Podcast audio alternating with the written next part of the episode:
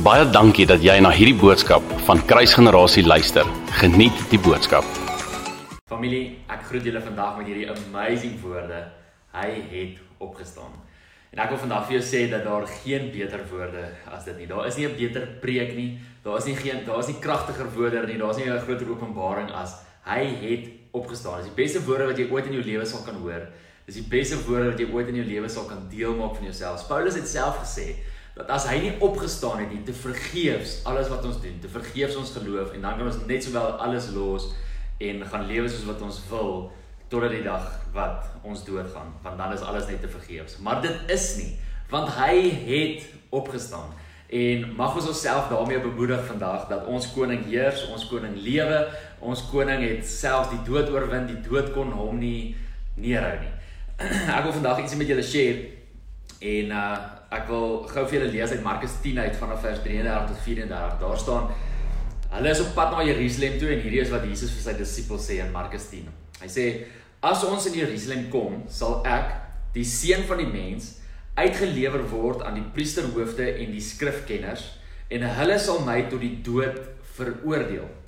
En hulle sal my uitlewer aan die nie-Jode.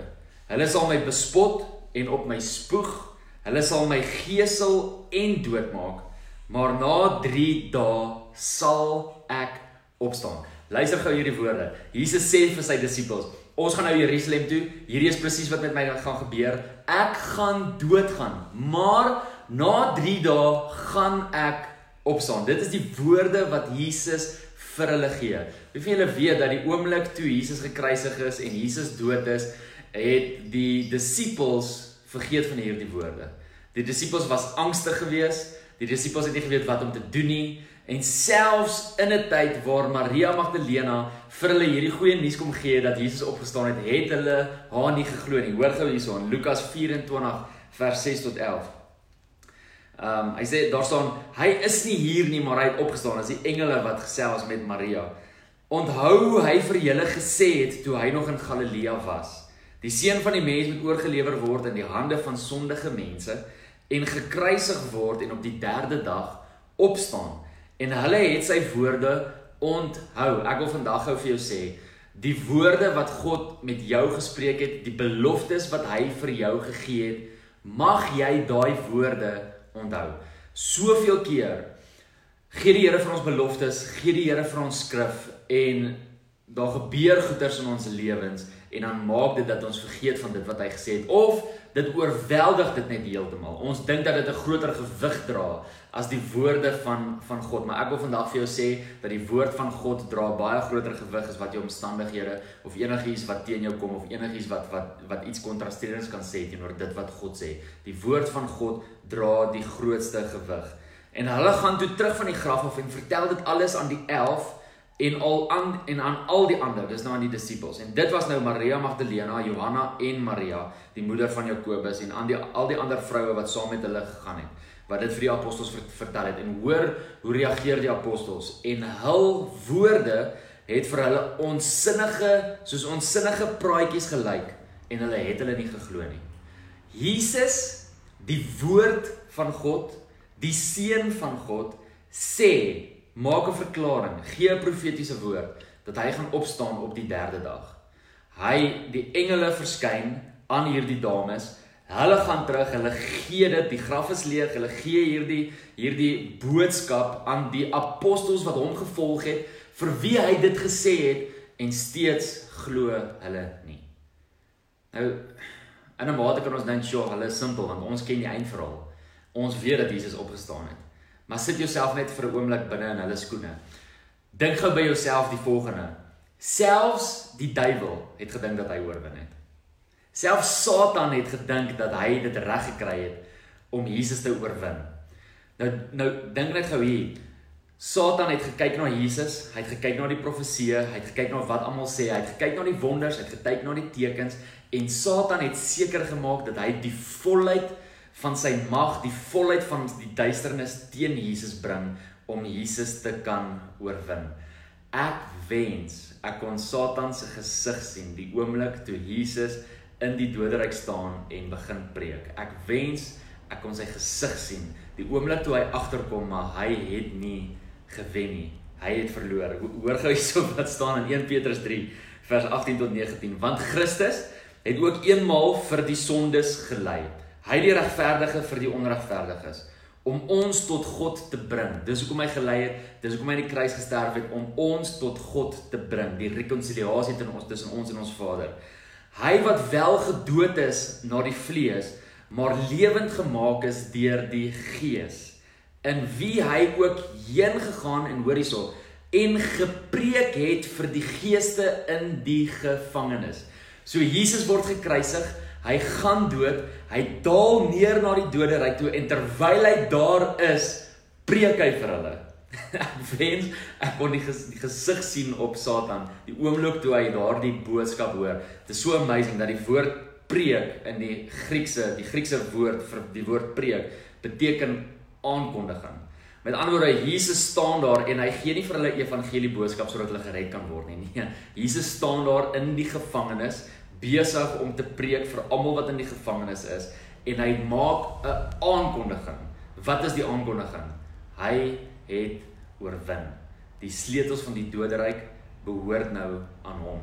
Dit is die aankondiging wat hy maak. Kan ek vir jou die volgende sê dat die die koninkryk van die duisternis het geweet van Jesus se oorwinning voordat die disippels geweet het van die oorwinning. Laat dit net gou 'n bietjie insink. Die koninkryk van die duisternis het geweet van Christus se oorwinning voordat die disippels geweet het van sy oorwinning.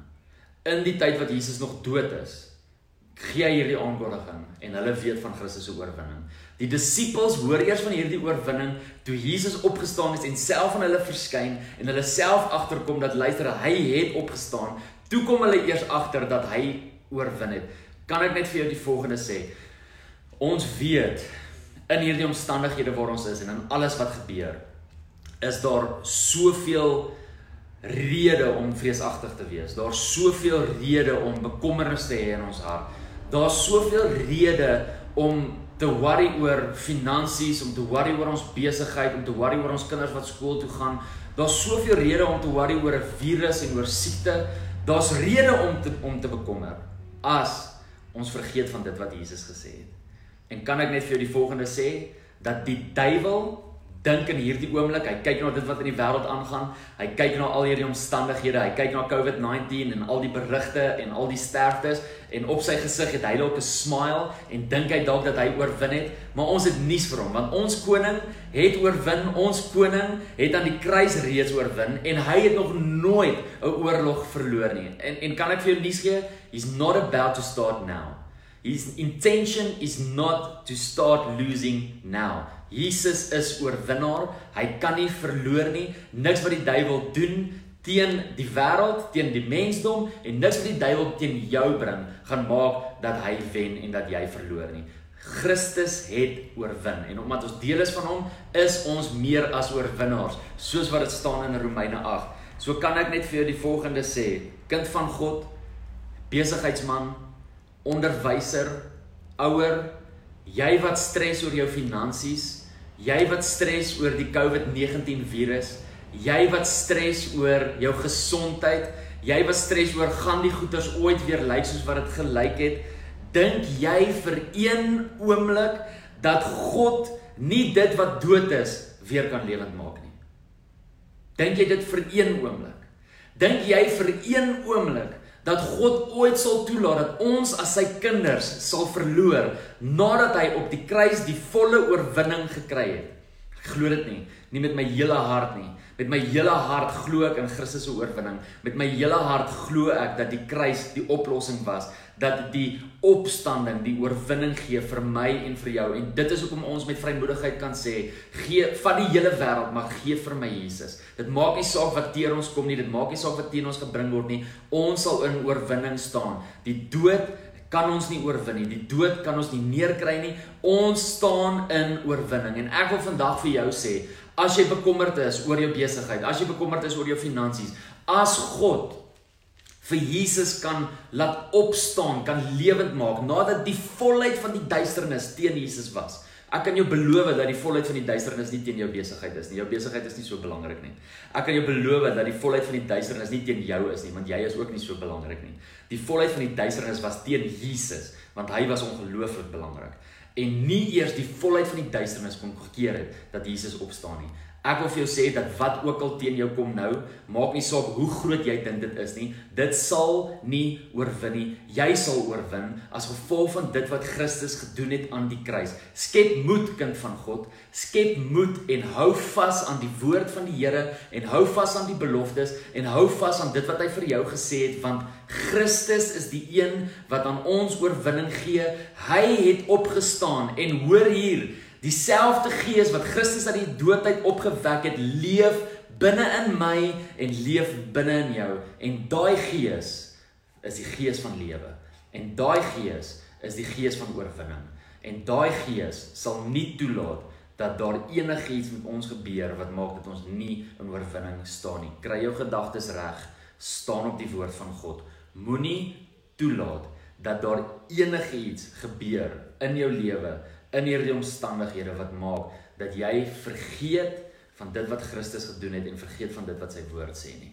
Hy het oorwin, hy lewe, hy het opgestaan en ek spreek nou oor jou in die naam van Jesus dat daar niks dood is wat hy nie kan op kan kan lewendig maak nie. Dat daar niks te groot is wat hy nie kan red nie. Kom ek bid. Vader, ek bid nou vir elke persoon wat met vrees sit wat angstig is, wat bekommerd is oor hulle besighede, wat bekommerd is oor hulle finansies. Here, ons weet dat daar letterlik niks is wat U nie kan lewendig maak nie. En daarom kom ons vandag en ons spreek lewe oor ons mense se besighede. Ons spreek lewe oor ons mense se finansies. Ons spreek lewe oor ons mense se verhoudings. Ons spreek lewe oor ons mense se gesondheid in die naam van Jesus. Dankie dat ons kan deel hê aan u oorwinning. Here, u oorwinning is ons oorwinning. U het u oorwinning nie vir jouself gehou nie, u het die oorwinning met ons gedeel en ons eer u daarvoor. Dankie dat u opgestaan het. Dankie dat u oorwin het en dankie Lord, you made a public spectacle of the kingdom of darkness. En daarom kan ons met vrymoedigheid vandag staan en te kan sê, Satan, jy dink dat jy besig is om te wen deur hierdie virus. Maar ons sê en verklaar en profeteer selfs dat hierdie ten goeie sal meewerk vir die wat hom liefhet en dat ons oor 'n jaar van nou af gaan terugkyk en gaan sê dat prys die Here, God het alles wat dood was weer kom lewendig maak in ons lewens in die naam van Jesus. Amen. Baie dankie dat jy na hierdie podcast geluister het. Indien jy die boodskap geniet het, Deel hom asseblief met jou vriende.